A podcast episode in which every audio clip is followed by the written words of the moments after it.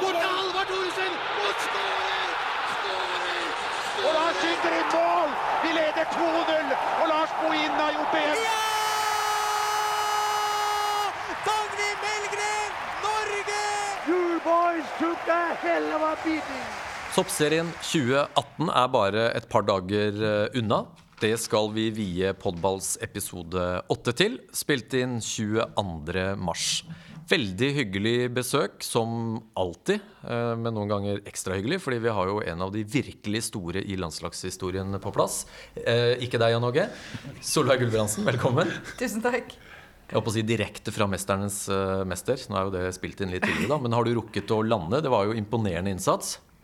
Ja, jeg har veldig rukket å lande, altså. Men eh, ja, nei, det var jo overraskende bra, eh, tenker jeg. Fordi jeg hadde jo ikke trodd jeg skulle komme så langt i det hele tatt. Så er jo vi fotballspillere blir jo kanskje ikke haussa opp som vi skulle tro at vi var veldig gode i sånne øvelser på ja, ting man ikke pleier å gjøre. Så sånn sett så følte jeg overraska litt.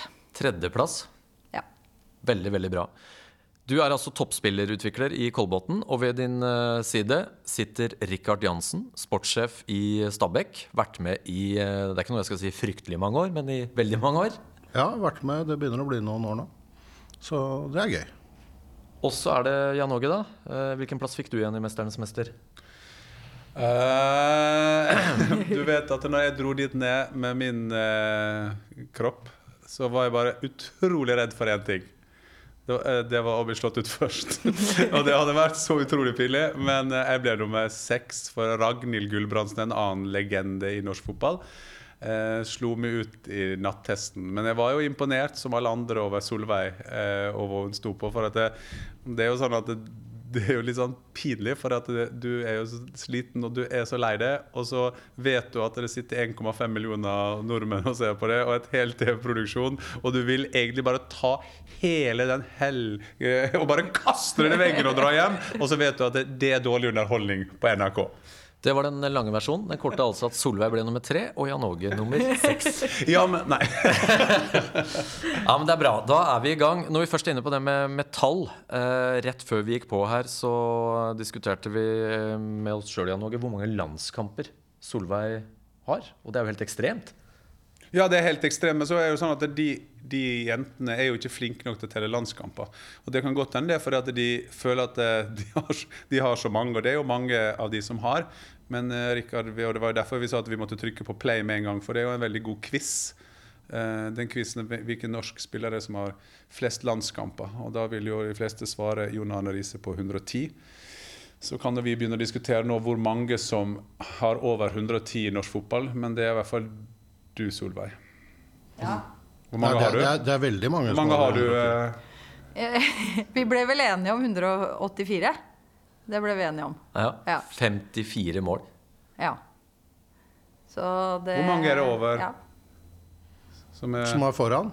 Det, ja, som er over 110, for det er litt indre ja, nei, det er ganske mange. Ja, det er faktisk det. Det er ganske mange. Jeg var, vi var på La Manga for noen år siden, og da da var Antidoping Norge og kjørte kurs for jentene. Og da hun som holdt det foredraget, hun var til daglig jobbet i Bowlingforbundet eller noe sånt. Og hun sa det Hun skulle vise en video med Klaus Lundekvam, og så sier hun Og vet dere hva, jenter? Klaus Lundekvam han har 54 landskamper, han. Tenk det. Og da satt vel én i salen som hadde færre. Sånn at det var jo så, det var, det, Vi klarte ikke å bygge opp den helt store entusiasmen på starten. Nei. Vi skal snakke om eh, årets eh, toppserie, som starter med et brak når Vålerenga og LSK kvinner eh, møtes. Hva er det de har drevet Kan jeg få lov å spørre der? Altså, det har har vært en sånn grei som jeg har Nå jeg må bare begynne tidlig på det der. Og nå skal jeg spørre deg, Svein Graff. Jeg vet at det er jo folk som er ansvarlig for dette NFF, og det er ikke du. Men det er altså én stor outsider i år. Det er Vålerenga, som har brukt 21 milliarder på å prøve å slå LSK kvinner og outsider Stabæk og Avaldsnes. Og så setter de opp i første kampen. Det, kan ikke du forklare hvordan man tenker det, eller er det bare jeg som reagerer på sånne ting? Ja, Lissepasning umiddelbart. Uh, jeg sitter og ser på Richard, fordi at uh, med, Serieforeningen for kvinner er jo også litt med på, på Ja, jeg var, jeg var jo, nå er ikke jeg i styret i Serieforeningen lenger, men jeg var jo med på terminplanleggingen for 2017. For da hadde akkurat Hege Jørgensen overtatt som daglig leder. Og så, så i en overgangsperiode så, så hadde vi litt sånn overlap. Uh, og da, så jeg har jo vært med på det. Men å sette opp selve hvilke lag som heter hvilke lag, det Det blander ikke Serieforeningen seg i. Vi er mer på terminlisten okay, og sånt da var det en dårlig pasning. Nei, men, men, men eh, jeg syns jo for så vidt det er litt gøy, da. Altså få en toppkamp helt med en gang. Ja. Så nå, er vi begynner vi jo, nå begynner vi sesongen tidlig i år, og da er det eh, dessverre noen kamper som har vært utsatt. Og jeg skal ikke sitte her og klage over at vi begynner for tidlig, for jeg var, talte varmt for å begynne tidlig. Eh, Men det er klart at det påvirker også hvilke baner du kan spille på, og hvilke oppgjør du kan ha. Ja, godt poeng. Det er godt poeng, men jeg tenker at av og til at det er jo en kamp Vålerenga-Lillestrøm kvinner, Det kan jo plutselig bli en kamp som kan bli avgjørende for medaljene og mesterskapet. Så tenkte jeg at da kunne iallfall jeg, men dette er jo smaken er jo som baken, og det og folk sitter jo og og lager tanker rundt det her, eller har tanker rundt det her. Jeg kunne gjerne tenkt meg den tidligere. Hvis du skulle ha laget den, kunne du laga Vålerenga Lyn, da. Nyopprykka Lyn. Eh, Som kunne komme til, eh, til andre siden av byen. Men OK, det er en grunn til at jeg kanskje ikke gjør det. Ja, nei, Men nå sånn er sett så er det jo også litt rart at eh, LSK-hallen da ikke blir brukt. ikke blir brukt, da. Hvis du skal kjøre første Ja. kamp, liksom. Så tenker jeg jo det Ja, er jo litt det- merkelig, men Mens Nadderud er utsatt, og så er LSK-hallen står tom. Men I Eliteserien så har vi jo, selv om det ble avlysninger, så har vi jo brukt det som kan brukes av kunstgress i, i første runde. Men det er jo veldig vanskelig å måke LSK-hallen. da. Altså Du skal tross alt ha frivillig inn der også og få ut all snøen der. sånn som det er klart. Så jeg er litt enig. Og, Norge er jo et veldig veldig langt land. Eh, veldig langt land. Og det er klart da må man ta hensyn til det. Og eh, jeg også ser jo den Vi har en hall, og de spiller på bortbane. Men OK, la vi Vi lar den seige vinteren ligge. vi, kan komme eh, tilbake ligge. til det, kanskje. Ja, til Jan Åges spørsmål. Det er jo ikke jeg som setter opp eh, terminlistene. Det er et relevant spørsmål, som det heter. Men jeg har ikke noe godt svar på hvorfor man har tenkt Vålerenga LSK. Men jeg tror vel eh, det er et ønske om å starte med et brak, som jeg sa, og, og umiddelbart sette fyr på toppserien. Og så er det jo plusser og minuser med det. Men kampen kjøper går på NRK, og det blir i hvert fall en heidundrende eh, start. Og så er det jo trøbbel da med, med forholdene også i toppserien, som i Eliteserien. For det er jo ikke alle kamper som kan spilles, inkludert da Nei, Nå kom det en utsetting til i går, så, eller i dag. Så Mm. nå er fire kamper i de to første rundene utsatt, og det er jo da en tredjedel. Men uh, man kan jo snu det rundt og si at to tredjedel går jo helt fint. Veldig bra.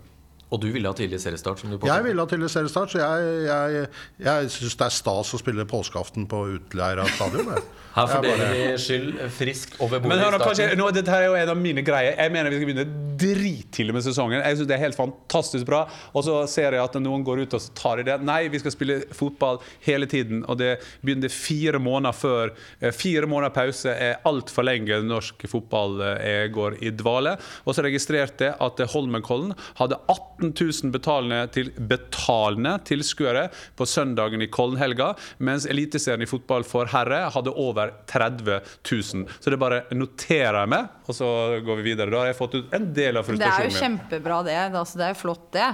At fotball er en stor idrett og alt det der. Men når Rosenborg-Sarpsborg ikke er fullsatt Nei, Sarpsborg-Rosenborg blir det. Det er jo merkelig. Det er jo, den burde jo vært fullsatt. Det, jeg tror jo det. Og så tenker jeg sånn spille påskeaften. Altså, veldig merkelig. Nei, jeg synes Nei, det, det er, Påsken, påsken, altså for dere som er, Nå har jeg meldt meg ut av statskirka, det vil jo jeg si. Men det er bare at det, vi kan, påsken bytter jo tid noen ganger. Ja, ja, og det vet jeg. Så, så det å Så det spille har jo på ikke noe å si, jeg, men det, jeg er helt enig med Rikard. Spille påsken, tenk hvor bra det er, da. det skjer jo ingenting annet. nei. Det er jo helt Og dødt. hvis du taper, så kan du stå opp igjen fra de døde med en gang. Altså, det er så mange for, Ja. eh, bra ting å gjøre i påsken. Så gå, og nå begynner toppserien. Helt fantastisk at de kommer nå. Veldig bra, og da går vi over på sporten. Eh, I fjor så vant altså LSK kvinner eh, ganske så klart. Det ble vel ni poengs luke til eh. Avaldsnes. Elleve. Var det elleve, Rikard? Det husker jeg ikke. Men LSK hadde 59 poeng, og Avaldsnes hadde Ja, bra research, da beklager jeg det. LSK vant uh, klart sitt fjerde strake seriemesterskap. Ja. Og så har det jo skjedd eh, noe markant i oppkjøringa til denne sesongen. Og da tenker jeg på Vålerenga. Monica Knutsen er trener. De har henta inn eh, Nederlands eh, kaptein. Isabel Herlofsen er der. Eh, vi har eh, søstera til Jo Inge Berge, vel, som har tatt turen fra LSK til Vålerenga. Eli Landsem. Eli Landsem, sportssjef. Ja, Altså skjedd fryktelig mye rundt uh, Vålerenga. Og da har vi jo uh, Vi spurte jo uh, Hege Jørgensen her tidligere hvordan hun spådde topp og bunn. Men nå går det spørsmålet til dere to dager før det starter. Hva tenker du om årets toppserie, Solveig? Eh, jeg tror jo sånn jevnt over at eh, når vi ser på hele toppserien, at den kommer til å bli jevnere eh, enn det den kanskje har vært Nå har den jo vært det de siste åra, men eh, jeg tror det blir veldig jevnt. Jeg tror det er vanskelig å spå hvem som egentlig havner hvor eh, midt på tabellen. Men jeg tror at Lillestrøm tar det igjen eh, i år. Eh, fordi jeg tror kontinuitet har mye å si. Og Vålerenga har ikke hatt tid til å sette noe lag ennå. De har vel ennå ikke spilt en treningskamp med fullt lag. Eh, Men med det laget så regner jeg med at de, blir, eh, de, de bør hevde seg med det laget og med det budsjettet de har, og med det trenerteamet og hele pakka. eh, Arena og alt. Så bør de egentlig sikte mot et gull. Men jeg, jeg tror det er litt tidlig for dem i forhold til prestasjoner. Men det er jo litt om eh, Monica Knutsen klarer å få Altså hva hun klarer å få ut av den troppen hun har. da Altså hvor, hvor smart man skal gjøre det i forhold til eh, ja, spillestil og litt hva, hva hun gjør. Om hun går for å være Man tenker jo fort at det blir en kopi av Lillestrøm, det hun har gjort i Lillestrøm. Om det blir det samme her, om, eller om hun på en måte forandrer og gjør noe annet. da Så det blir veldig spennende å se, faktisk. Og så har du jo Avaldsnes. Eh, som alltid er veldig usikker. Altså Man vet ikke hva som kommer. Og de kjøper jo en del utlendinger som man også er veldig ukjente, som man ikke vet helt hva står for. Eh, ja, Så der er det en del usikkerhet. Og under der så er det veldig jevnt. Hva med andre enden av tabellen? Eh, ja. Der er det jo fort gjort at man sier Gran Bodø og Lyn, eh, som er nederst. Eh, Bare minner om at jeg trener for uh, Lyns eh, seks år gamle jenter. Men eh, fortsett. Vi gjentar, det blir Gran. Men, eh, men jeg syns Lyn har Altså, de har et veldig ungt lag, men de har eh, mye spennende. De har en angrepsrekke som er veldig bra, som har litt sånn X-faktor, og som, kan, som jeg tenker at de kan score en del mål. Men så er det De er jo tolv år da, i snittalder på det laget. så litt overdrevet. Men, men Ja, min, mine, sånn at eh, så jeg tror liksom at eh, hvis de får Det kommer litt an på starten deres og hvordan dette går. Eh, og de har vært vant til å liksom trille ball oppå Kringsjå der og øvd på å spille fotball, og nå så jeg at nå er det, slår de mye langt. Og har måttet snu litt på trendene. Jeg vet ikke helt hvordan de unge spillerne der håndterer det. Driver mye med possession. Nå blir det helt annen hverdag. Så det kan bli en utfordring, men jeg syns de er det er et spennende lag. Du Så- henta deg inn med det. Det er bra. Det var i ferd med å bli mange stikk til møter, jo, her. møter jo Røa i første kampen, som er også et, et uh, lokalderby. Og det er jo også et lag som triller, og det er jo litt sånn Så det skal bli spennende å se. Men det er jo akkurat sånn som Solveig sier. At Røa er ikke et lag som triller. Så hvis du Nei, eh, altså, nei, og det er ikke sånn. Jeg, nå tenkte jeg at når vi var oppe med laget til sønnen min, jeg syns de spilte alltid god fotball. Jeg. Men de Ja, triller de ikke. god. Men prater du nå som Stabæk-mann, eller? vil du Nei, ja, ja altså, jeg syns jo Røa er redda meg litt, ja, så, på, å si det sånn, På Røabanen er vel det Altså, De triller nok litt mer nå enn de gjorde på, for et par år siden. Men altså, Røabanen er vel det eneste stedet hvor den gamle Kjelsås-treneren Stig Mathisen klarte å stå med tårer i øynene over at det ikke kan å spille mer Drillo enn Kjelsås. Sånn at, man, Koser seg og kikker eh, ja, det, er, høyt på det er faktisk mulig å være enda mer Drillo enn vi var i Kjelsås. Kultur lå i røda at de skulle trille ballet? Ja, men det så mistet de forferdelig mange spillere til Lillestrøm et år, og da måtte ja, de legge om litt. Men Rikard, la du merke til en ting på gjennomgangen til Solveig? Hun var innom fryktelig mange klubber, men nevnte hun Stabæk? Nei, det gjorde hun ikke. Det, men det gjør hun for så vidt helt rett i. Hvis jeg skulle si Altså, jeg, jeg tror Vålerenga tar dette her. Eh, jeg tror ikke Lillestrøm tar det. Uh, Vålerenga har riktignok mistet elleve spillere. Eller det er elleve spillere ut. Det er veldig mye, men det er det normale. Uh, det de har gjort i år, er at de har hentet masse gode spillere, og så har de hentet norskt. Og det er nytt, fordi de har stort sett pleid å hente utlendinger. Når de har hentet, I hvert fall i fjor hentet de jo masse utlendinger. Ikke så lett å treffe alltid på de. Nå vet de mer hva de får. De vet hva de får i Victoria Ludvigsen, Stine Reinås, eh, Marie Markussen, eh, Ingrid Skjeldrup fra Eskilstuna. altså Herlåsen, klassespiss, selvfølgelig. Sånn at på papiret så syns jeg Vålerenga skal, eh, skal vinne dette ganske greit. Eh, og også med da Monica Knutsen, som har bevist år etter år at hun får det til å levere. Og én ting er å vinne serien, men du klarer å vinne år etter år. Det er ganske god prestasjon. altså. Og selv om du da har hatt det beste laget, og hatt sånn, så, så skal jo jobben gjøres òg. Det er jo folk som klarer å unngå å vinne serien i Spania selv når de trener Real Madrid, liksom. Sånn at eh, det er jo Du må levere selv om du har et veldig godt lag. Tenker du ikke at den kampen Vålerenga-Lillestrøm kommer litt tidlig for Lillestrøm? Nei, for Vålerenga? Jo, den kan den gjøre. For jeg, jeg har vært litt skuffet over Vålerenga i treningskampene. Jeg var nesten sjokkartet eh, Og vi spilte treningskamp mot dem. Da manglet det ikke veldig mange i startelveren sin. Hvordan gikk den kampen? Ja, Vålerenga tok ledelsen etter 23 sekunder, og Stabæk snudde og vant 2-1. Og Det skulle egentlig ikke være mulig med det laget vi hadde, men det gjorde vi. Så ser jeg også at uh, de har hentet masse norskt.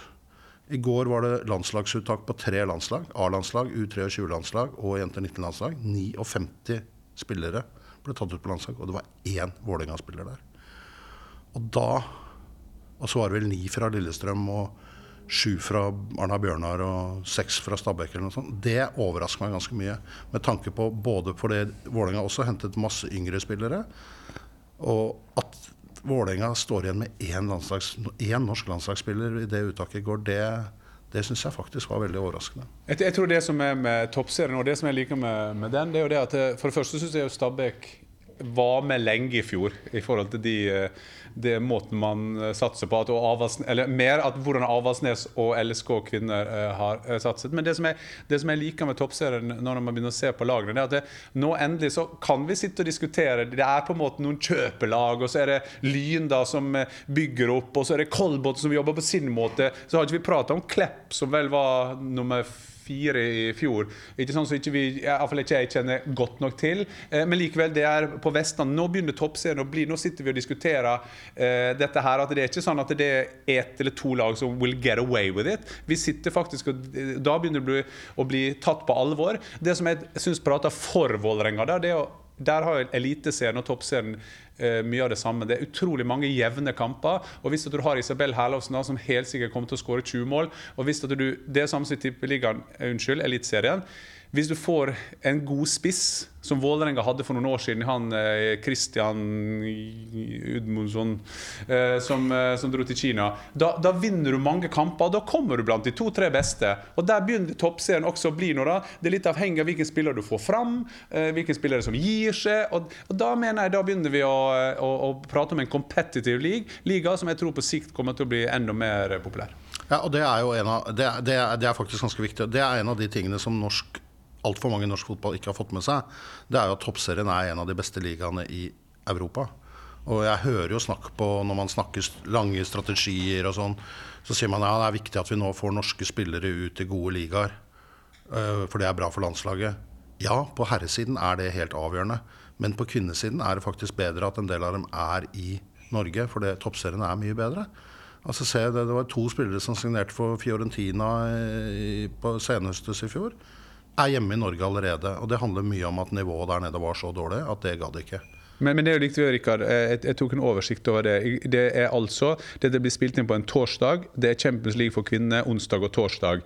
Det, altså, det er altså fire kamper denne uka mens podkasten går. I går slo Chelsea Montpellier 2-0. Da var det to uh, nordmenn med. Uh, Maren Mjelde og uh, Toris Dottir. Uh, Manchester City Linköping 2-0, en kamp som for øvrig gikk live på Twitter. var veldig morsomt å se. Og så i, i, pratende stund i kveld, torsdag, så spiller Wolfsburg mot Sparta Prada ved Caroline Graham Hansen. Så spiller Lyon mot Barcelona. Der har vi selvsagt Ada Stolsmo Hegerberg. Så jeg er enig med Rikard at de nest beste, skal, og vi har Ingvild Isaksen i uh, Juventus. Altså, vi, og Jeg har sikkert glemt noen, uh, men det er også er jo et, et, et fint speilbilde for toppserien at man får frem den type spillere. og så Kanskje ikke de skal gå for tidlig ut, de nest beste, for at de skal være her en større sjanse for å utvikle seg. Men det er en stor og bra reklame for uh, Solveig. Ja, jeg men jeg tenker jo at det, er liksom, det her er jo en sånn greie generelt for norsk fotball, syns jeg, da. Altså, Vi kan ikke la alle sammenligne seg med Martin Ødegaard, med Caroline Graham Hansen og Ada Hegberg. Altså, det er ekstreme eh, talenter som på en måte går ut og tar Europa med storm mye tidligere enn man normalt sett skal gjøre.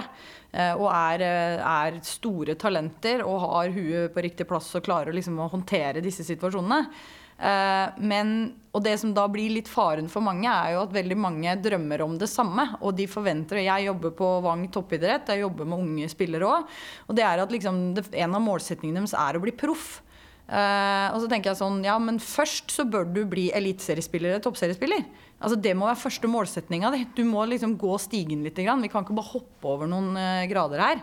Men at det viser at det er muligheter både for jenter og gutter å bli proffe i utlandet på ganske store klubber da, internasjonalt, er jo veldig viktig. Og syns jeg er kjempebra å vise at det er Champions League også på jentesida, hvor vi da har veldig gode spillere som er med å dra lasset på lagene sine. Da. Og det, det er kjempekult. Men man må liksom tenke at det fins også mange som må jobbe en vei for å komme dit. Da. Og der ser man jo f.eks. Maren Mjelde. da eller en Torjusdottir som på en måte spiller fotball over lengre tid og går ut når de blir eldre.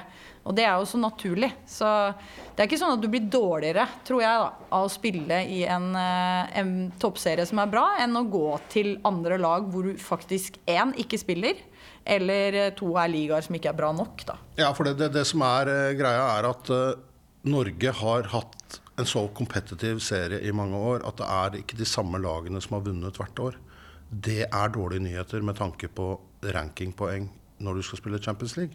Og Derfor har de norske lagene stort sett alltid vært usidet. Og da uh, ryker du i trekningen. For det ofte. Vi har jo hatt uflaks hele veien med trekninger. Har alltid trukket de lagene som ender opp i semifinaler. Eller finaler. Uh, uansett om det har vært Lillestrøm eller Avaldsnes eller, eller, eller Stabæk eller Røa. Eh, sånn at for, for, Se Danmark, en ganske dårlig serie. To gode lag, resten er ingenting. Det er de to samme som vinner hvert år. De er jo sidet høyt der oppe og får lett motstand i begynnelsen av Champions League. Kommer langt hvert år. Ser du nå f.eks. vi har en spiller i Nederland, Andrine Tomter. Spiller for Tvente. Altså, jeg er ikke sikker på om Tvente hadde overlevd i toppserien. Antagelig hadde de det, men da hadde de drevet og kjempa om å bli nummer åtte eller ni. Altså, de hadde ikke hatt sjanse i havet. Altså, det er ikke i nærheten. Sherida Spitzer går tilbake til norsk fotball for å komme til et høyere nivå. Sånn at uh, det, det, er litt viktig det. å tenke på. Litt undervurdert signing, unnskyld. Ja. Undervurdert spissel, undervurdert signing for Vålerenga, for mye kommer til å være snakk om uh, Isabel Herlovsen. Hun var jo veldig instrumental for uh, LSK. Du, altså hun er jo fotballspiller. Altså det er en fantastisk signing for toppserien å få henne ja, hjem igjen. Helt strålende. Men til det du nevner, Rikard. Når du drar opp eh, Spitze, som altså er kaptein for Nederland, vant EM-gull i fjor. Da blir jo kanskje mange veldig overraska over at plutselig Vålerenga klarer å hente en, en, sånn spiller. Men sier det, som du er inne på, da, noe om toppseriens eh, posisjon, tross alt? Ja, det gjør det. Og det er, altså, Bundesliga er jo den beste ligaen i, i Europa. Og hvem som er nummer to, om det er Sverige eller Frankrike. Antagelig er det Sverige. Og så er Norge oppi der også. Er England outsider nå? Ja, England begynner å komme, men der er det også sånn Der er det ikke to gode lag. Det er tre, kanskje fire gode lag. Men altså De lagene på nederste halvdel av tabellen i, i England hadde også hatt eh, De hadde ikke vunnet toppserien. Men er, vi, er, vi, er, det farlig nå Det går jo til dere begge, egentlig. Vi, vi var jo vi, var, vi, har jo vært veldig gode. Eh, og Vi har tatt VM-gull, EM-gull, OL-gull og Solveig, du har vel tatt alt. Eh, og så, og så ser vi nå at det, nå begynner de andre lagligaene, lagene, å få fram lagene. De har jo skjønt det som en del fotballedere i Norge ikke har skjønt ennå. Jeg kan da gjenta det som jeg sa sist vi prata. Det er en skam at Rosenborg og Brann ikke har eget kvinnelag. Så har jeg fått sagt det. Så går jeg videre. Eh, men er det da en fare for at vi blir stående litt på perrongen? Ja, det er det selvfølgelig. Altså, det, jeg, jeg, er redd for at det blir det samme forskjellene som det er på herresida, som altså, som det kommer til å bli på damesida. Altså, vi har ikke det fortrinnet vi hadde før, og det er mer penger. Altså, når vi ser hvordan Lyon og de her driver, altså, vi er jo ikke i nærheten av de samme midlene. Altså, så det, det, kommer det til å være, og det vil jo alltids være forskjell fordi det er økonomien som bestemmer litt her. Men jeg tenker jo når jeg ser toppserien nå, så det jeg syns er veldig positivt med det, er at det er flere lag som satser utafor Oslo-området også. Altså Vi har et Klepp som nå på en måte har økt budsjettet sitt litt, og får inn noen signeringer av noen utlendinger som setter lista litt der i forhold til nivå. Og så har du det samme gjør de jo nå i Sandviken, med å få tilbake Spord og få tilbake, altså ha noen lederskikkelser i hver, hvert lag. I Kolbotn er vi veldig veldig fornøyd med å resignere Ina Gausdal. Altså at vi har en som er på lands, en landslagsspiller som fortsatt blir i Kolbotn. Eh, altså at du får flere sånne spillere til å bli. At ikke alle bare går til Lillestrøm. Og så er det på en måte ikke noe altså Så blir de andre lagene på en måte hengende litt etter. For du er helt avhengig av en treningskultur, en bredde i stallen. Og der er jo den store diskusjonen med antall lag, og der mener jo jeg vi må ned. To lag for at de fleste sliter med å opprettholde altså Du har 12-13-14 spillere i stallen, og så putter du innpå noen juniorer liksom, bare for å fylle opp. Det er ikke bra nok. Jeg mener det må være større konkurranse. Eh, sånn at det blir vanskeligere å komme til. Eh, at ikke Lyn skal ha tolv års eh. Men at skal, disse skal komme inn i toppserieklubber og lære litt før de spiller toppserie. Da tror jeg vi hadde hatt enda mer bredde, fordi jeg syns landslaget sliter med å ta ut altså, de har ikke nok konkurranse der heller. Sånn at eh, jeg syns eh, Hvis vi kan få det enda mer tight, enda mer competitive, så skulle vi fått en litt eh, færre lag og ja, bedre altså staller i hver klubb, da. Så tror jeg det hadde blitt veldig veldig bra om noen år. Jeg tror vi hadde fortsatt å bygge produktet. Det hadde blitt flere lag som hadde fighta. Jeg er ikke redd for at det blir en Oslo-serie. Da tror jeg flere hadde vært interessert i å reise til Klepp og spille fotball. Fordi da da hadde du hatt muligheten til å kunne tjene litt penger på det, og du hadde blitt kanskje en av de som drar det lasset, istedenfor å være en av Oslo-klubbene hvor det er for mange spillere, og det bare vi, ja. Jeg og Jan altså, Åge var jo på Lillestrøm nylig, og snakka med Hege Riise, som sier det samme. Det må bli færre lag i toppserien. Hva mener du, Rikard? ja, først må må jeg bare si at i forhold til Klepp og Sandviken altså Det er to klubber som har gjort det alt riktig nå over flere år, så der skal vi andre watch out. altså. De har bygd infrastruktur, de har bygd eh, klubbstruktur. Eh, De har gjort de tingene der, og så har de ikke levert sportslig i de årene noe spesielt godt. Og så har de begynner, nå kommer de dit. Sånn at eh, det kan fort være at de to beste lagene i Norge om noen få år er Klepp og Sandviken. Bare å skyte inn. Klepp er altså på tredjeplass på tabelltipset til Nettavisen, som jeg har foran meg her. Ja, og det som skal er, mange av det er på tredjeplass på mitt tabelltips òg. Hvem er det du har ute av medalje? Ute av medaljen. Ja, altså Hvis Klepp skal bli nummer tre og Vålerenga skal bli nummer én, er det Avaldsnes. Og Stabæk utenfor? Ja. Avaldsnes og Stabæk utenfor har jeg på min privat. Er det fordi. Elise Thorsen har og den type Nei, men det er altså Avaldsnes eh, starter på nytt hvert år, de. De, de, liksom, de bytter en del spillere, og de bytter alltid trener. Støtteapparat mye og sånt noe. Det, jeg vet ikke hvor lurt det er. Eh, Jeg syns ikke det er lurt. Det, nå har de jo vunnet mye sølvmedaljer, da. Men eh, det har jo ikke blitt noe Det er jo ikke det du blir målt på.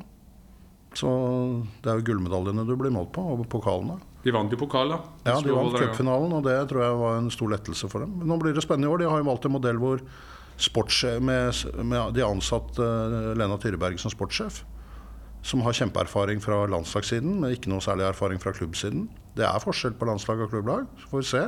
Trenger ikke å bety noen ting, kanskje det er pluss. Men der har de valgt den litt morsomme varianten at hun skal ta ut laget. Altså Sportssjefen skal sette ut, ta, ta ut elveren. Så det, det kan Pluss at de har en utenlandsk trener, da, som, En amerikaner med erfaring fra Island, ja. ja, som man Så- ikke vet ja. Så Det er spennende. Men det er jo spennende med Avaldsnes og, um, eh, og, og Lillestrøm. Det skal jo også sies. for at det, det, det, lag, det blir litt sånn spennende, for vi sitter og diskuterer de her. Nå vet jeg ikke om det er noen eh, rik onkel bak uh, Vålerenga. Der er vel bare sånn Jo, det er akkurat det det er. Altså, det, er det er jo derfor Vålerenga satser sånn. Ja, altså, han, men, men, øh, men er det like markant rik onkel som Arne Utvik og Per Berg? ja, mer. Og, og husk at Vålerenga ligger i breddeavdelingen til Vålerenga. Det ligger ikke i eliteavdelingen. Sånn at, og det er jo for å passe på at penga går dit. Ja, så. Vålerenga, Vålerenga ikke tilfører penger? Altså alt kommer fra Hvem er det som er den store investoren der, da? Ja, det er, så jeg vet ikke helt hvem det er. Men Nei, ikke sant? det er en av disse, det er en av disse Glava-arvingene. Å ja. Sånn, Han har jo valgt en litt annen strategi, for det har jo vært mye diskutert. Ja, vi aner ikke hvor mye penger det er. og sånn. De har vært veldig tilbakeholdne med det. Forstått det sånn at han er mer interessert i å ha en lav profil, og det er være han for det. Men til Vålerenga og satsingen, vi, som Jan Åge sier, vi syns jo det er fascinerende at det kommer inn noen og tenker stort. Eh, Men så er det noen som kanskje er litt bekymra for at dette er en sånn quick fix-løsning, og at det ikke nødvendigvis er gjennomtenkt når det kommer til økonomi. Hvis, er, hvis man er avhengig av disse investorpengene som ikke alltid er stabile. Hva, hva syns dere om det? Altså For oss rundt da, så er jo dette, er jo dette litt slitsomt. da For det er jo lønningskaos i Oslo-området. blir det jo altså Når eh, noen plutselig hever den lønnings... Altså lista veldig i forhold til eh, oss andre. Sånn at det gjør jo at det blir en litt sånn ubalanse i eh, lønnsstrukturen. Kan jeg spørre deg. Solveig, kan Ja. Solveig altså, bare, bare litt replikk til det. Altså, for folk vi prater om toppserien, hva er hverdagen for en vanlig norsk jente som spiller i toppserien i Kolbotn, i Stabæk, som ikke har de investorene bak? Studerer, jobb, Lønn? Ja, Alle- alle alle, jobb- alle jobb. studerer, jobber. For det er litt viktig sett, å presisere det. Vi, vi må si stort sett, for det alltid kan være noen at man har en utlending som på en måte ikke er det, eller at de gjør noe andre ting i klubben eller sånne ting. Men hovedsakelig så er det jo det. Og så, også når jeg snakker om lønninger nå, så snakker vi om at kanskje topplønninger, sånn snitt for noen hvor du har én stjernespiller, kan være på 10 000 i måneden f.eks. Mens de fleste er jo noen som nå Veit om noen nå. Vi skulle ut og betale noe forsikringer og sånn, og da var det noen som gikk i minus, og de fikk faktura. Fordi at da, da I forhold til deres kontrakt. Forsikringspremien har gått opp, så, nå er det ja, 4500 så da gikk, de, da gikk de minus året, den måneden, er- så da får de en faktura isteden den måneden. Sånn at det, det er ikke snakk om lønninger i den forstand. Men da er det jo på en måte sånn, hvis vi da ser at andre klubber på en måte tilbyr 30 40 50 000, så blir dette veldig skjevfordelt. Og da er det veldig vanskelig for oss å konkurrere. Eh, Men det som er positivt, er jo at jeg håper jo at det er denne veien det går, men som dere sier, hvis dette er et blaff, og at disse bare kommer inn bare fordi de ønsker å tjene penger, at ikke de er der for å forvalte det, og at ikke de bygger nedenifra også. Eh, Sånn at dette er et varig mm, prosjekt. eh, Og at man kanskje bygger sånn som man sier. Det jeg syns Lillestrøm har vært veldig flinke på, er jo at de har bygd en administrasjon. Du ser at markedsbiten deres går rundt og selv om på en måte Berg går ned da, i, in, i å spytte inn penger, så har de i hvert fall gjort en del riktige ting, sånn at ikke alt faller sammen. Ja, nå, nå, altså, jeg er jo gammel supporter fra herresiden, og jeg har jo sett mye rike investorer komme og gå. Og særlig gå. Uh, vi har vel opplevd det selv i Stabæk med Ulriksen. Uh, vet hvor vanskelig det er, og hvor smertefullt det er. Altså I 2009 så hadde herrelaget til Stabæk et budsjett på 95 millioner, damene 5. Altså 100 millioner. I 2012 hadde hele klubben et budsjett på 22. At det er mulig å unngå konkurs da, når du må kutte kostnadene med 80 det er egentlig Og, og så opprettholde ganske ja, bra. rykka Altså, ja, jo, jo, men ja. ned, men så komme opp igjen og finne sin modell. Ja, ja, sånn det er at- veldig imponerende. Men, sånn at, men så sånn sett så er det litt farlig. På en annen side, når du har en person som Arne Utvik Arne Utvik kommer aldri til å la Avaldsnes dø fordi at han ikke spytter inn mer penger. For han er så genuint uh, opptatt av klubben og har klubben i hjertet. Men det er ikke alle investorklubbforhold som er på Og så den vet ikke jeg hvordan det er i forhold til den eh, investoren i Vålerenga. Men Per Bergvåg har jo vært særdeles god. Han er jo, Ja. ja. det er jo den på herresiden som har flest kamper. Han elsker jo klubben sin. Ja, men han skrur igjen krana. Det gjorde han jo på herresiden òg. Sånn, sånn at de har jo opplevd i Lillestrøm hvordan det er når han forsvant. Men det som er greia, er at jeg er eh, Jeg, jeg kjenner på det akkurat sånn som Solveig, på den annen side hadde det vært en hos oss, så hadde jeg gjort akkurat det samme som Vålerenga. Sånn at jeg skal vokte meg vel for å kritisere dem. For det, det er eh, Altså, De har fått den muligheten. Samtidig så er det ikke snakk om så store penger. altså Etter hva jeg har hørt sånn, i forhold til budsjettet til Vålerenga, så ligger det på 10 pluss millioner. Eh, det er vel det de har sagt, i hvert fall offentlig. Og da er det fortsatt eh, noen millioner under budsjettet til det medisinske støtteapparatet til kvinnelaget til Wolfsburg. Ja, det har du jo, men, men jeg tror, jeg sånn tror at, at, Rikard, eh, har du en god inngang til det der? For, det, for det første, den delen du sier med fan. Du kritiserer Chelsea for Abramovic kommer dit. Eh, og så hadde Abramovic kommet til eh, Westham den gangen. Et dårlig eksempel, forresten, for de også har hatt sine investorer. Men eh, Brentford da, begynte å bygge opp det, så har Brentford vært utrolig eh, glad eh, for eh, det. Så, så jeg, tror det, jeg tror vi nesten skal snu på det litt. jeg. Eh, At Arne Utvik og Glavamann og Per Berg At de heller kan eh, Nå sier jeg kanskje litt Altså jeg sier mot herrefotball. For at det, du får jo mye mer igjen for, eh, for pengene med å investere i kvinnefotball. Du får en gjeng som vi ser her enkelte måneder går i minus. Du går ikke rundt og ergrer deg over dårlige holdninger, at man kanskje litt sitter i, i flippers og badesko og, og ikke gjør noe for å utvikle fotball. Dette er veldig sultne spillere i toppserien. Så for små penger så kan altså investorer gå inn og vinne liga. Jeg vet at Per Berg, eh, som jeg kjenner jo godt fra den tiden jeg var, han har vært utrolig glad, selv om han, han har tapt i anførselstegn mye penger. Men så jeg føler at han har investert også i noe som han har opplevd. Han har vært stolt av å skape noe i klubben. Og det var helt fantastisk hvis en i, i, på, i Oslo vest, Asker Bærum, kunne si at nå skal vi gjøre det i Røa, vi skal gjøre det i Stabæk, det, eller Kolbotn. Så å dra opp toppserien for små småpenger, der du kanskje kan bruke på en signing on fee til en spiller i Eliteserien, så kan du faktisk bygge opp en hel fotballklubb i toppserien. jeg syns vi skal applaudere disse investorene. Jeg synes det, det er veldig bra. Og, altså, jeg har jo vært på kamp og sett Arne Utvik sitte på benken og ordne med saft til spillerne i pausen og sånn. Altså, han er ikke noe A4-investor, han altså. Det er et oppriktig engasjement, Ja, det er- og det har kanskje en synergi, som Ja, dere sier. ja, så andre all respekt for han. Samtidig så er det Ja, nei, få, få dem inn, altså. Nå er det jo sånn uh, Du har helt rett. Det skal lite til.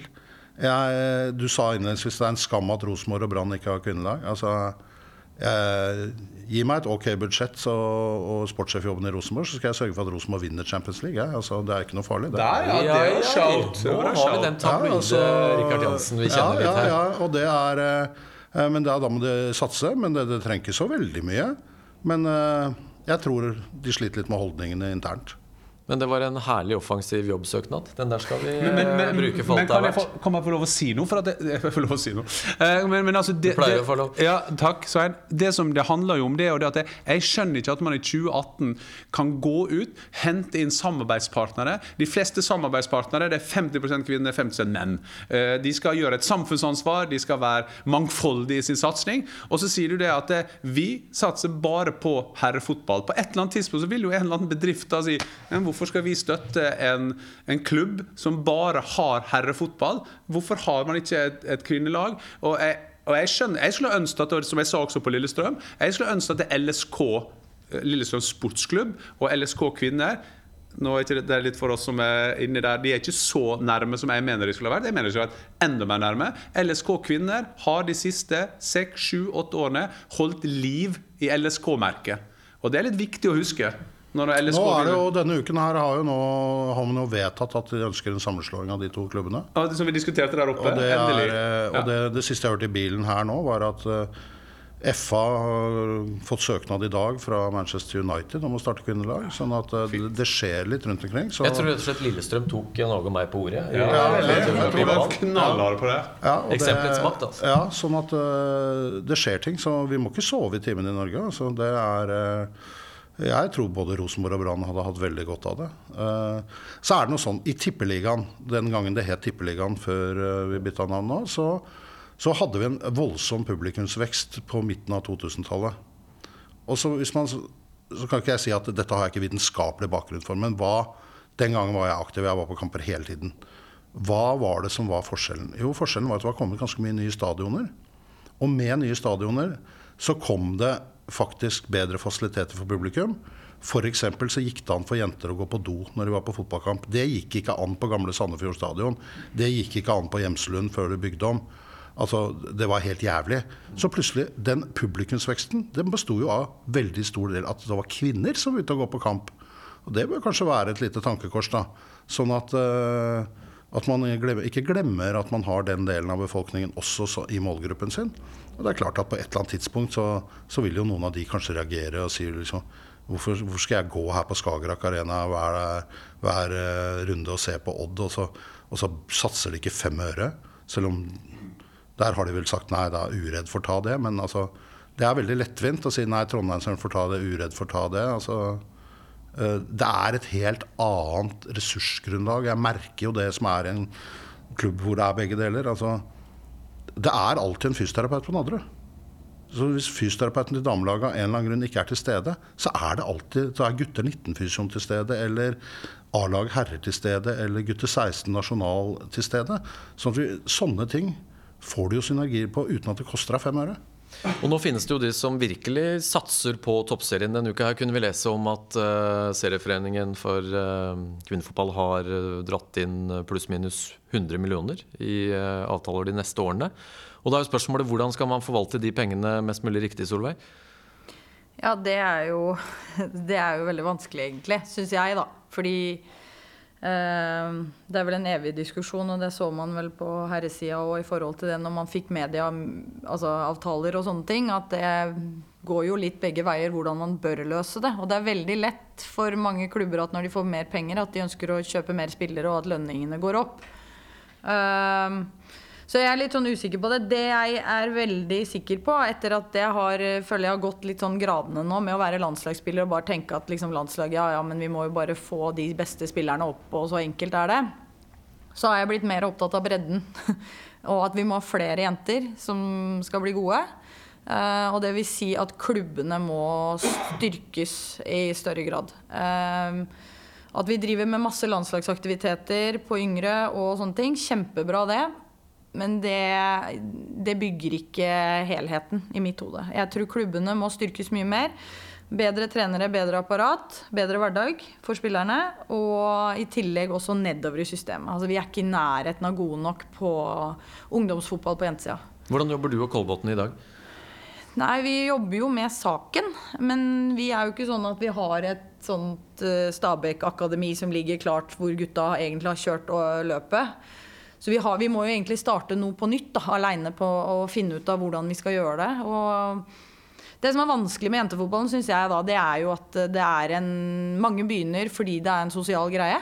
Uh, og fordi det er gøy og moro. Uh, ikke fordi de ønsker å bli gode. Uh, og der føler jeg vi må snu litt på trenden. At litt mindre av det på guttesida. Litt mindre skape Messi, men kanskje på jentesida litt mer skape Nada Hegerberg. Fordi vi må tørre å si at jenter kan bli gode i fotball, og at foreldre og alle må, må, bidra til det. Det er veldig mye vanskelig på jentesida med hospitering og få fram noen som skal være gode, fordi da ryker hele årganger, og det er masse greier som er mye styr. Så vi har en veldig jobb å gjøre i klubb for å få flere jenter til å bli gode.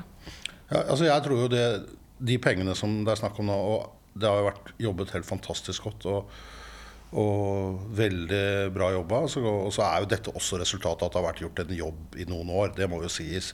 Altså, Takk også til uh, fotballmedia bl.a. som har jobbet med å selge toppserien i flere år. Det er klart at Nå brast stemningen, så nå kom plutselig alt. Og det er kjempebra. Og da gjelder det å være der, da. Og det har jo virkelig Hege Jørgensen vært, så er all ære. Men eh, tilbake til hvordan vi skal bruke pengene. Altså, altså Økonomien i Toppsen er så marginal at det er ikke mulig å bruke de pengene feil. Og jeg tror det beste man kunne gjort, det var også øke lønningene til spillerne. Sånn at de kan jobbe mindre og spille mer fotball. Og det handler om at de er så lojale mot systemet. Eh, de jobber, de går på skole, de spiller fotball. Og de trener akkurat like mye som gutta. Og så er spørsmålet hvordan går det opp? Nei, det er jo det at det de ikke gjør, det er å restituere. Og da får du jo ikke det samme utbyttet av treningen. Så jeg tror det største win, altså quick fixen du kunne få, det er at sørge for at spillerne får en hverdag hvor du også får inn den posten som heter restitusjon.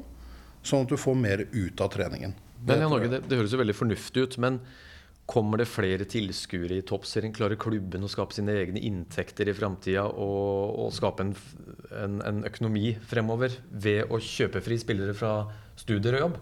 Altså Jeg var jo leder i LSK, altså da på herresiden, når det var medieavtalen. Jeg var jo helt mot at det, Fotballforbundet eller Norsk Toppfotball skulle ha noe de mente om pengene. Jeg mente de skulle bare pøse det over til oss, så vi fikk lov å bruke det på hva vi ville.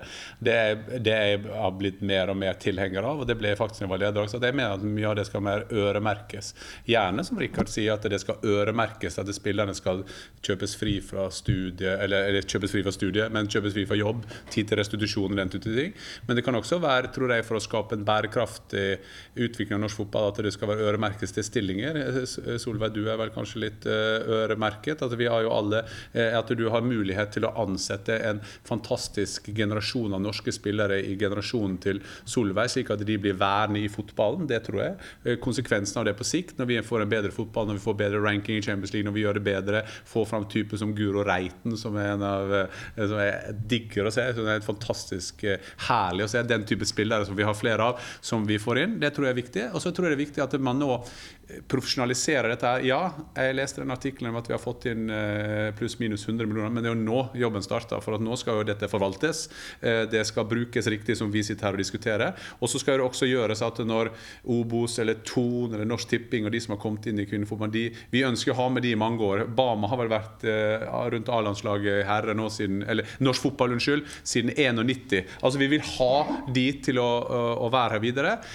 og så, så det eneste det som jeg sier med sitt Erik at når de går inn med lønninger, da syns jeg det skal øremerkes på at det skal føre til mer trening. At man har mulighet til å møtes om morgenen, spise frokost, ha økt, gjerne studere, gjerne også ha en jobb eller noe, men, men også at det er restitusjon er jo trening. Det er jeg helt enig i. Og det er jo et paradoks i stedet at momentumet var EM i Nederland. Når vi ikke skåra mål, og vi, vi, var liksom Da så vi nordmenn på oss og tenkte Hva er det vi egentlig holder på med? Hva er det vi egentlig holder på når Eliteserien spiller samtidig så åpningskampen går i EM? Det var jo en skam! Og det, jo, og det, skjønte jeg. tror det var så mange som var så flaue både i næringslivet og i norsk fotball at da måtte man gjøre noe. Eh, og nå må man bare bruke det momentumet til å lage en bedre klubb hver dag. Så jeg tror konsekvensene av det vil være at man både får større interesse, og så får man flere folk på kampen. Ja, du har det med interesse. det, Åpningskampen til Norge i VM i Canada i 2015, da var jo flere TV-seere enn dagen før hadde sett Champions League-finalen for menn. Og det gikk på åpne kanaler begge deler. Sånn at, eh, og da spilte Norge mot Thailand, liksom. Det var flere som så på jentene enn Fjørtoft, med andre ord? Eh, ja, faktisk. Det var uh, veldig mange. Men Skal vel sies at ja. det er flere som ser på Norge Rundt enn uh, det ser når vi ser Manchester United mot Real Madrid. Men det er helt riktig. Men, ja. men, det, men det, det, viser at det er en interesse der. Og, det, og apropos når vi sa innledningsvis, så vil vi si at det er Vålerenga-Lillestrøm. Vi skal ikke undervurdere det at det er NRK uh, som er vår landsdekkende kanal, Det kommer til å være fram og det kommer til å bli utrolig bra seertall, og da er vi i gang. Så det skal jo og så er det sånn, og, Men det er helt riktig. altså Nå handler det om å forvalte det videre. Og så er det det at vi har noen fortrinn på kundesiden. Så ja, vi har lite tilskuere og, og, det der. Det tror jeg kan komme seg. Det, altså, det handler om langsiktighet og, og, litt sånn sten på sten. Litt sånn kjedelig formel der. Men i forhold til sponsorene, så er sponsorene skal regne hjem ethvert sponsorat. Og det er klart at kvinnefotballen har noe å tilby som Uh, I tillegg til det du har f.eks. på herresiden. Og det er at vi har å tilby vanvittig bra arbeidskraft. Altså jeg, hvis jeg kunne tatt de beste, eller ikke beste, men tatt en del av de spillerne vi har i Stabæk og lagd et konsulentfirma altså det er, det er, så mye dyktige folk. Altså der er ingeniør... Husk du skal til Trondheim du nå. Ja, ikke sant? Du har, du ja, ja, ja, ja, men, men, men bare, det sier, og det vi ser nå, det er at f.eks. en av Stabæk-sponsorene er i ferd med å ansette uh, spillere hos oss tilpasset fotballspilling. Eh, det er musikk i øret. Eh, Obos har nå ute eh, skal starte et trainee-program hvor de skal rekruttere spillere fra toppserieklubbene.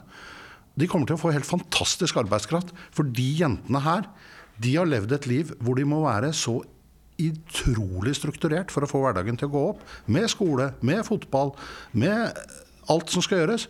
Så du får jo supereffektiv, eh, strukturert arbeidskraft. Det er jo det er ikke noe å lure på engang. Det her tror jeg er noe av det viktigste. Da. For én ting er det at uh, vi snakker om mange millioner her, og det høres veldig mye ut. Men dette er over mange år uh, på flere klubber.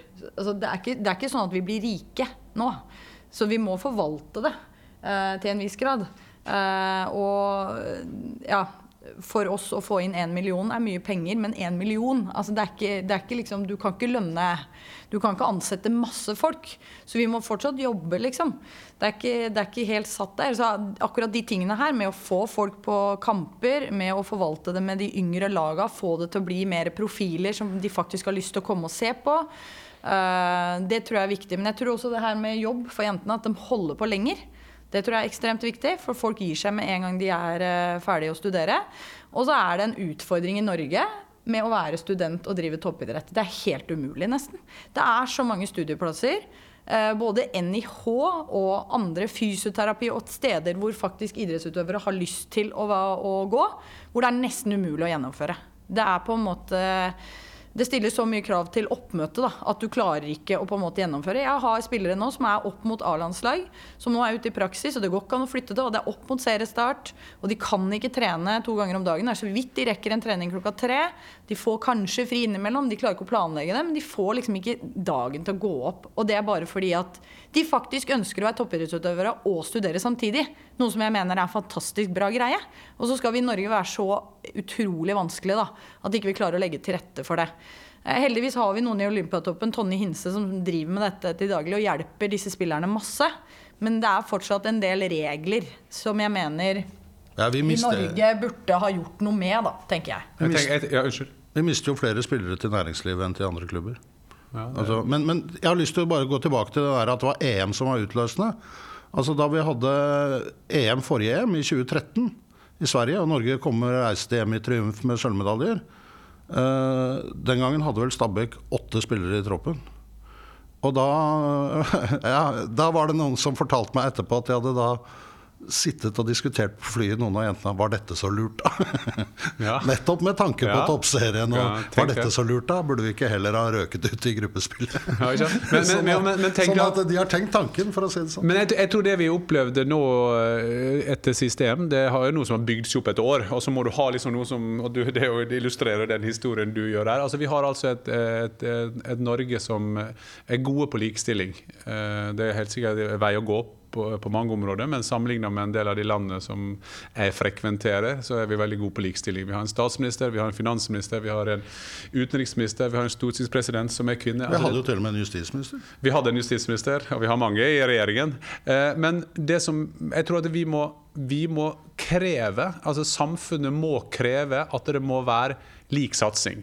Eh, Ros til eh, min eh, med eh, som sitter på denne siden av bordet, Svein Graff, eh, og det initiativet som ble gjort for Norges Fotballforbund med lik lønn. Det så du med en gang. Det ble veldig godt mottatt ute. Jeg tror vi må, vi må prøve hva er den, Jeg liker ikke det sånne ord som norske modellen, jeg liker ikke fa fotballfamilien, men i, i, i jeg har ingen andre bedre ord. Altså Den norske modellen må være at vi gir muligheter til at det skal tilpasses. Jeg ledet et regjeringsutvalg. Akkurat det som Solveig sa der, fikk vi innspill på.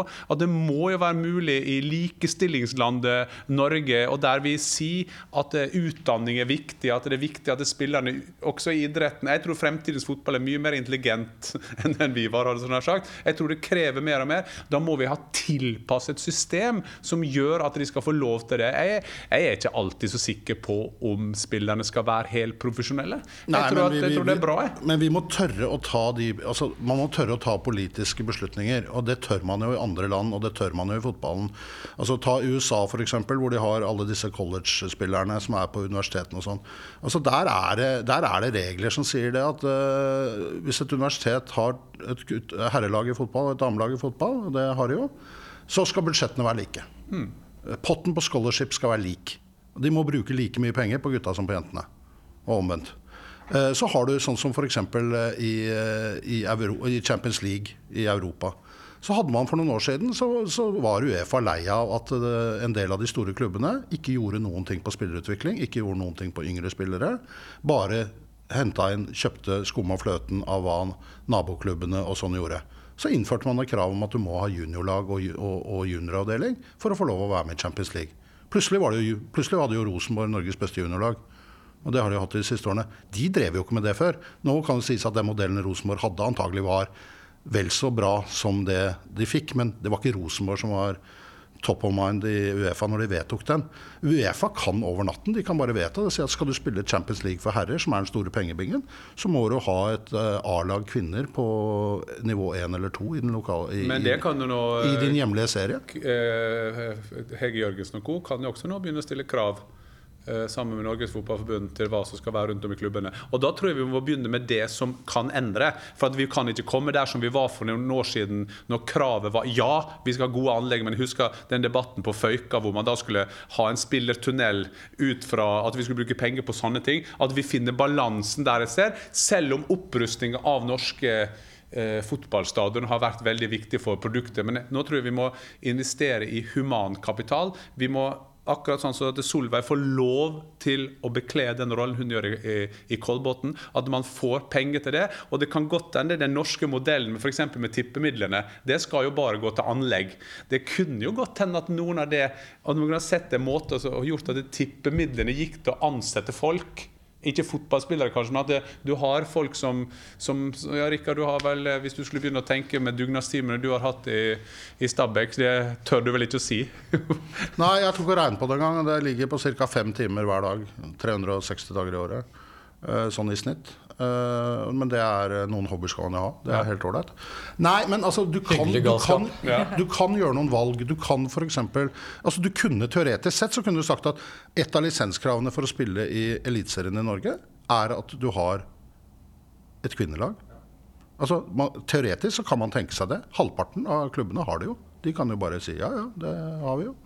Det er ikke noe problem. Molde har det, Viking har det. Altså, Viking, altså De trenes av Egil Østenstad med Roger Nilsen som eh, assistent. Så da, altså, Der er det bra ressurser på, så får vi håpe at det gror seg litt til. At det blir bra, kan utfordre Klepp. Eh, Men altså, Man kan gjøre sånne ting, men man har ikke vært villig til det. Det som er interessant, er at på Uefa har vært villig til det på herresiden i forhold til det med yngre og sånn. Sånn at det er jo ikke noe umulighet, altså. Nei, og så tror jeg det at det er viktig at jeg, eh, jeg har sett mye på sånn likestilling generelt. Og da er det også viktig at vi menn engasjerer oss. Sånn at ikke dette blir bare en kvinnekamp. For dette handler om en kamp for fotball eller kamp for idretten. Der er en sånn organisasjon internasjonalt som heter He for Ski. Altså Det må være noen som står Vi må, vi må tørre å stå sammen med, med Solverdi. Sånn som landslaget gjorde nå. Helt fantastisk måte å vise her. Her står vi sammen for dette her. Og det der, dette der er jo en, en, et, et ganske enkelt og godt forslag. At det må være lisensen. At alle eliteserielag må ha en plan i løpet av en, en periode og få et, et, kvinnelag. Og så må vi huske, eh, skal vi sies, at det, det er ikke alltid Sånn som NFF får jo skylden for alt, og det NFF gjør mye rart. Eh, Men f.eks. for eksempel nå når du har Det er jo klubbene. Klubbene, har, klubbene klubbene har stor makt i Norge, så av og til må man skyte litt forskjellig. Ja, Men det til er- det, med, til det med symbolsaker, da. Du nevnte likelønnsavtalen og et mulig grep som du drar opp nå, Rikard, med å legge det inn i, i lisensen. Eh, Og til det med likestilling, ser du på TV-serien Heimebane, Solveig? Ja, det gjør jeg. I kjølvannet så har jo debatten eh, pågått. Får vi noen gang en kvinne som trener på toppnivå på herresida? Ser du for deg at du kunne havna i en sånn rolle? Du har Altså, vært innom jeg- treneryrket, mener jeg, i jeg- Vålerenga annet. Jeg tror jo at uh, det er større sjanse for at det kan skje noe etter denne TV-serien. For jeg tenker at det er en eller annen eh, investor eller sponsor som tenker at dette er en kul greie. I mitt hode har jeg sett for meg deg som den første i den rollen. Du har det, ja? Ja. er interessant. Ja, nei, altså jeg tenker jo at eh, det hadde vært en kul jobb. Men jeg tenker jo også at fotballyrket i seg selv er jo en veldig spesiell jobb og stor sjanse for å feile. Så den første som eventuelt gjør dette, må jo vite hva du går til, på en måte. Det er jo Det var jo poenget til Monica Knutsen, så jeg hun ble intervjuet om. Ja, altså Det å være trener i Eliteserien i seg selv er jo en utfordring. Og jeg tror du skal vite litt eh, hva du går til. Altså jeg mener Du må ha erfaring. Og der er jeg, jeg Folk har spurt meg om det jeg vil ha en kvinnelig trener eller en mannlig trener. Som altså, nå er det vel på tide dere får en kvinnelig trener. Altså For meg jeg vil ha den beste treneren jeg kan få. Eh, og den beste lederen jeg kan få. Altså Både med personegenskaper, men også faglig kompetanse. Det er det jeg er mest opptatt av. Men så håper jeg jo at det er flere og flere kvinner nå som tar det, de utdannelsene de på en måte skal ha, og tør å gå den veien. Men da er det jo også dette med altså lønninger. ikke sant? Altså, hvis du skal være trener i toppserien og, og tjene 300 000 i året og jobbe altså, hver ettermiddag, hver helg, hele tida, så er det jo vanskelig å gå den veien. For du må noen du må ha noen mål om at dette faktisk skal la seg løse. I Eliteserien så de jobber jo dritmye, de òg. Og hele døgnet der òg. Uansett om du er trener, så gjør du jo det. For det er jo både lidenskap og en jobb. Men der har du litt mer gunstige arbeidstider i forhold til at det er på dagtid. Så du klarer på en måte å forvalte en familie i tillegg. Altså er, og du tjener kanskje litt mer som gjør at det faktisk er verdt det. Eh, Og stikke huet ditt ut, og du vet at eh, det er stor sjanse for at du får sparken, og så skal du flytte et sted for å være trener, og så får 300 000-400 000. Er litt mer risiko å dra med seg familien da. Så utfordringene for oss er jo også det med å, hvordan skal man klare å ta det steget, tror jeg da. Og så må det være mange nok som faktisk tar uh, sjansen og tar uh, ja, som jeg sier, utdannelsen, og erfaringene. Det også med å trene yngre altså guttelag og, og være i miljøet så du veit litt hva greia er. Da. Men, uh, men jeg mener at det er kvalifikasjonene. Jeg mener at jeg, mener at jeg kan like mye fotball som en mann.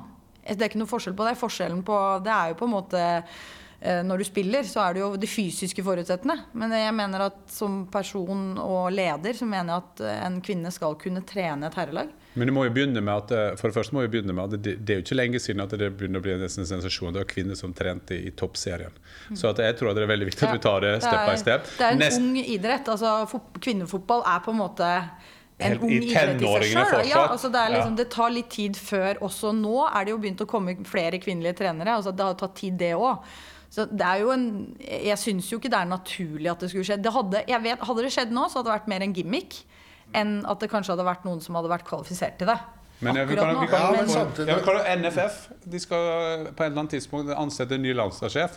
Så da kan vi, vi kan jo begynne med å si at en kvinne kan trene det norske kvinnelandslaget i fotball. Vi kan jo begynne der. Det er jo et symbol. Det har jo vært det, da. Ja, jo. Ja, men- altså, Eli Landsem. Ja, men vi kan ha det en gang til. For akkurat nå har vi dette momentumet. Eli Landsem er jo på mange måter Hun er jo norsk fotballs Anette Sagen. Hun har jo tatt, hun har jo tatt stegene. Nå er hun på et nytt nivå. Men jeg tenker at det, nå hadde det vært et nytt momentum. Eh, ikke sant? Nå er det en eller annen, Om det er Monica Knutsen eller om det er noe annen. Men hvis Solveig Gulbrandsen skulle bli nå tippeli- eh, eliteserietrener for herre Hun har jo altfor lite erfaring. Ikke sant? Så da må, altså da må de eh, kvinnene og herrene må stå jevnt. De må ha utdanning, de må ha det fotballfaglige, de må til intervjuene. Eh, og jeg tror akkurat, akkurat nå så hadde Ane Dahl Torp vært den fremste kandidaten pga. den serien. Men det er helt fantastisk at vi diskuterer det. Og så er det også eh, eh, på samme måten at vi hyller sånne som Eli Landsem, som har stått i det, fått mye kjeft. Eh, mange av dere kvinnene som har vært inne i, som fotballeksperter også, har vært mye dritt fordi at de er, de er kvinner. Altså de, altså Solveig kan jo analysere et spill ti ganger bedre enn en mange menn jeg kjenner. Så jeg tror vi må ta det Men vi kan, snu, vi kan snu det litt rundt òg, da. Altså hvis du tar, gå i, Sett opp en liste over de mennene som, Eller de som har trent Eliteserien de siste fem-seks årene. Det er mange der som egentlig ikke er gode nok, altså. Altså, sorry. Som ikke har funka. Beklager. Da må vi ha navn. Ja, nei. Eh, I 2012, når eh, Roger Finjord ga seg som trener for kvinnelaget til Stabæk, så var jobben min å finne en ny. Og den første jeg fant da, han fikk jeg beskjed av styret om at han har ikke nok erfaring til å trene A-lag kvinner i Stabæk, så beklager, han får du ikke lov å ansette. Og han er jo i fjor trente jo han et lag i Eliteserien. Nå blir vi veldig Nå blir vi veldig. Og i år, men og i år trener han Ålesund. Altså, Der kom det. altså, altså, sånn at uh, eh, Det der med erfaring altså, Du må jo få sjansen da, for å få deg den erfaringen. Ja, Og da vinner litt på Solveig nevner ordet gimmick, og man skal selvfølgelig være kvalifisert. Men hva ville det betydd for likestillingsspørsmålet i idretten, fotballen, dersom en kvinne faktisk trente en klubb i Eliteserien?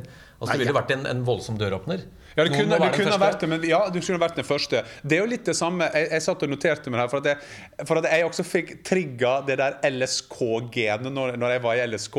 Når jeg ser det der med heimebane. Jeg, jeg ville ha helt sikkert satt og tenkt nå Hvordan skal jeg iallfall få en kvinne inn i trenerapparatet? Altså Kunne jeg fått en assistenttrener? Ja. Eh, ikke sant? Så Gøril Kringen var jo litt inne, men kunne vi fått til det? Jeg husker jeg hadde akkurat samme debatt med homofili i herrefotballen.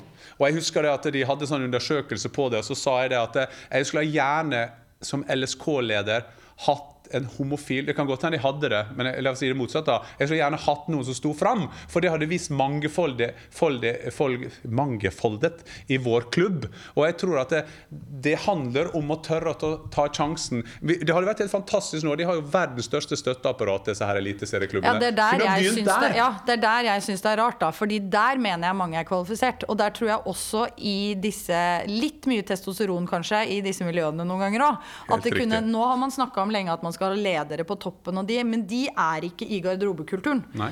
Men jeg tror der at eh, en kvinnelig fotballtrener kunne vært med og bidratt med, med en del andre erfaringer også, bare, ikke bare fra fotballbiten, men også det med altså, menneskelige erfaringer. Altså, du kan bidra med andre ting. Ja, ikke minst. Altså, så jeg tror liksom det det er mer rart for meg, da. At ikke noen har tenkt tanken på å dra inn eh, noen som eh, har det vært noen, da. Ja, det har vært så- noen, men det er kanskje Det ikke har ikke vært mange inn i ikke mange, ikke elite- Ikke Har det det? eliteserieklubb. Altså, Det har vært noen fysioer og noe sånt. Ja, det har vi selvsagt Ja, men hatt. fotballtrener Men hvis vi hadde hatt en som var For i eksempel garderoben og sto der og assistent. Altså en assistenttrener. Det er jo, synes jeg er mer naturlig sånn som det er nå. Fordi det er kanskje der du må starte for å få en erfaring. Men Jeg, jeg, tror, jeg tror dette kommer. Altså, det, det- jeg tror jeg kommer til å oppleve den dagen at eh, en eliteserieklubb blir trent av en kvinne.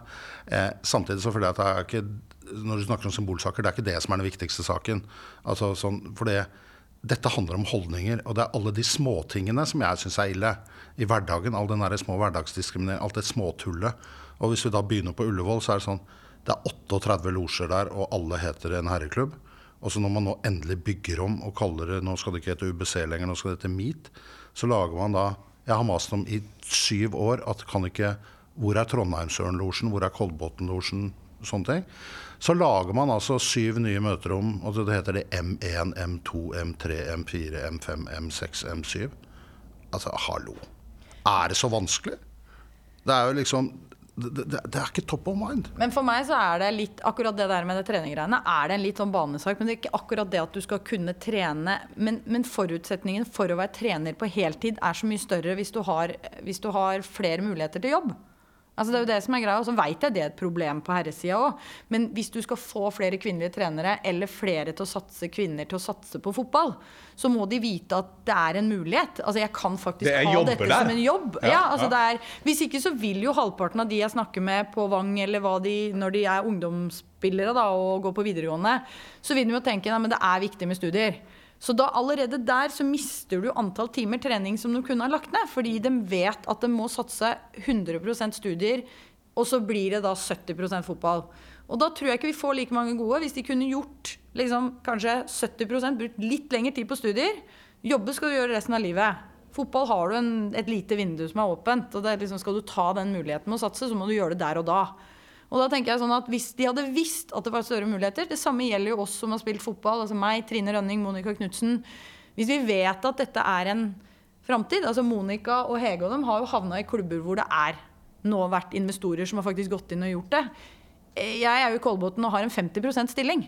Jeg jobber jo mer enn det jeg tjener penger til. Altså Det er ikke en hverdag som egentlig er eh, ja, Bærekraftig. bærekraftig i forhold til å tenke at dette har jeg lyst til å drive med resten av livet. Altså det, er, det, er liksom, det er det jeg tenker er viktig for meg. Det er å vite at dette, er, dette yrket er faktisk noe du kan drive med. da. Men det, det kommer. Det kommer garantert. Og det, nå har ikke jeg sett på heimebane, jeg da. For jeg Du må se det. får aldri rota meg til å se på serier. Nei, men det er fortsatt du- mulig, Rikard. Sånn, Han har jo en eh, hobby. Ja, så han en han- Men, så jeg, tror, men, jeg, men jeg tror at det, Jeg regner med at vi begynner å nærme oss eh, slutten her.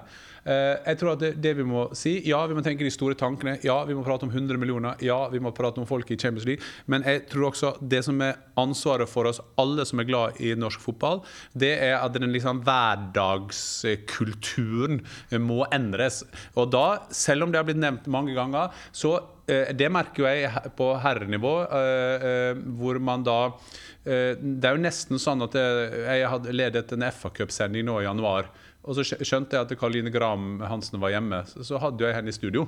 Ikke sant? Og da ja, altså hvorfor ikke altså, Gjør sånne ting, da. Men så kan det ja, men hvorfor skal hun være Hvorfor skal hun være en av verdens beste eh, fotballspillere? Så den, det er Av en eller annen grunn, og det har vi diskutert før, så er det sånn at det fotballen der Det er ingen som sier at Marit Bjørgen er to og et halvt minutt bak han mannen som blir nummer 150 i, i, worldcupen. For hun er en fantastisk kvinne i seg selv. Og der sliter vi. Men jeg ser at det, det går riktig retning nå.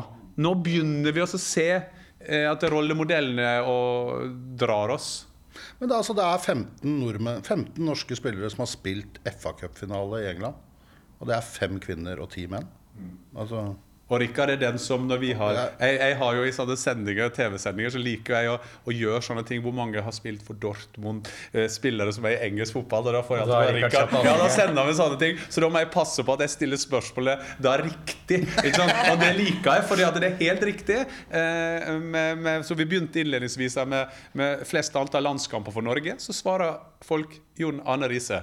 Eh, han, eh, men han har flest landskamper for herren. Helt riktig. Og til TV og kvinner og roller. Solveig er jo en eh, treffsikker ekspert for TV 2. eh, følger eh, Eliteserien. Jepp. Vi har Anne Sture, som er den første kvinnelige kommentatoren i Eliteserien. Hovedkommentator. Eh, så det skjer jo ting. Ting går i riktig retning. Men tenk da, at i 2018 så sier vi det, Ja, det er er, faktisk an lov har litt større pupper. I likestillingslandet enn- enn Norge så sier vi det. Og lov, og så skal de si det, og så syns vi det er bra! Altså det, det er jo, men eh, jeg tror den nye generasjonen som kommer nå, de kommer til å le av oss. eh, Den generasjonen før de, som eh, så sier så sier jeg tror det kommer Jeg er enig med Rikard, jeg er superoptimist. Jeg de, som vokser, de som vokser opp nå, veldig mange av de har gått på Vang, NTG, den type skoler. Der er de jentene som spiller fotball der, det er klassekamerater. De har en helt annen holdning til det. Som Mats og Karoline. Ikke sant? Ja. De, ikke sant? Den type Ja. respekterer. Podball episode 8 går mot slutten. Noe av det jeg husker best fra denne episoden, det er jo da at Rikard Jansen nå skal flytte til Trondheim. Han skal starte Rosenborgs eh, kvinnelag. Han skal vinne Champions League. Han sa ikke hvem som skal være trener, men det er jo da Solveig Gulbrandsen. Det er bestemt her Jeg må nok ha en mann, tror jeg. Det skal også inn i lisensen, skjønner du. At det skal være, være kvinne. Nei, men Det hadde vært et morsomt eh, eventyr. La oss eh, tygge litt på den. Og så sier vi tusen takk for uh, fremmøtet. Skal dere på kamp? Toppserien lørdag? Jeg skal på kamp. Jeg skal på sånn toppspillerutviklerseminar, jeg. Det er Du skal ikke til Sandviken? Nei. Det er Sandviken Kolbotn. Jeg hadde tenkt meg på Det er gyldig fravær, Solveig. Det er, det er gyldig fravær. Men jeg håper jo da å få det er, De blir jo streama kamper, og det er NRK-kamp, så jeg håper jo å få sett eh, eh, så mye som mulig. At vi da har litt pause i dette seminaret. For det er viktig kamp på TV. Og så er det nye måten å tenke på. Jeg satt på flyplassen i går og så satt jeg og, og slo i hele tiden med da eh, Manchester City Linköping, som gikk på Twitter. Og det er mulig nå. Alle kan bli sett. Vi kan se alle kampene bli streama. Og det betyr også at det blir større interesse rundt toppserien. Vet du om de Champions League-kampene i dag eh, blir vist noe sted? Helt sikkert et eller annet sted. Det er uh... Vi spiller altså Det sånn. inn sånn- dette her det er- En annen gang? En annen gang. Nei, men uh, En ny medievirkelighet som gjør at det er lettere å se kamper. Men det er fortsatt sånn at fotball er best på stadion. Jeg skal til Albania med landslag eh, lørdag kveld, men tenkte meg innom da eh, Vålerenga, LSK, på vei til eh, Gardermoen. Og hvis det ikke går, så går altså den kampen på NRK. Takk for besøket, Solveig og Rikard, og en riktig god fotballsesong. Takk i like måte. Og takk til dere som hørte på Podball. Vi er tilbake før dere aner det.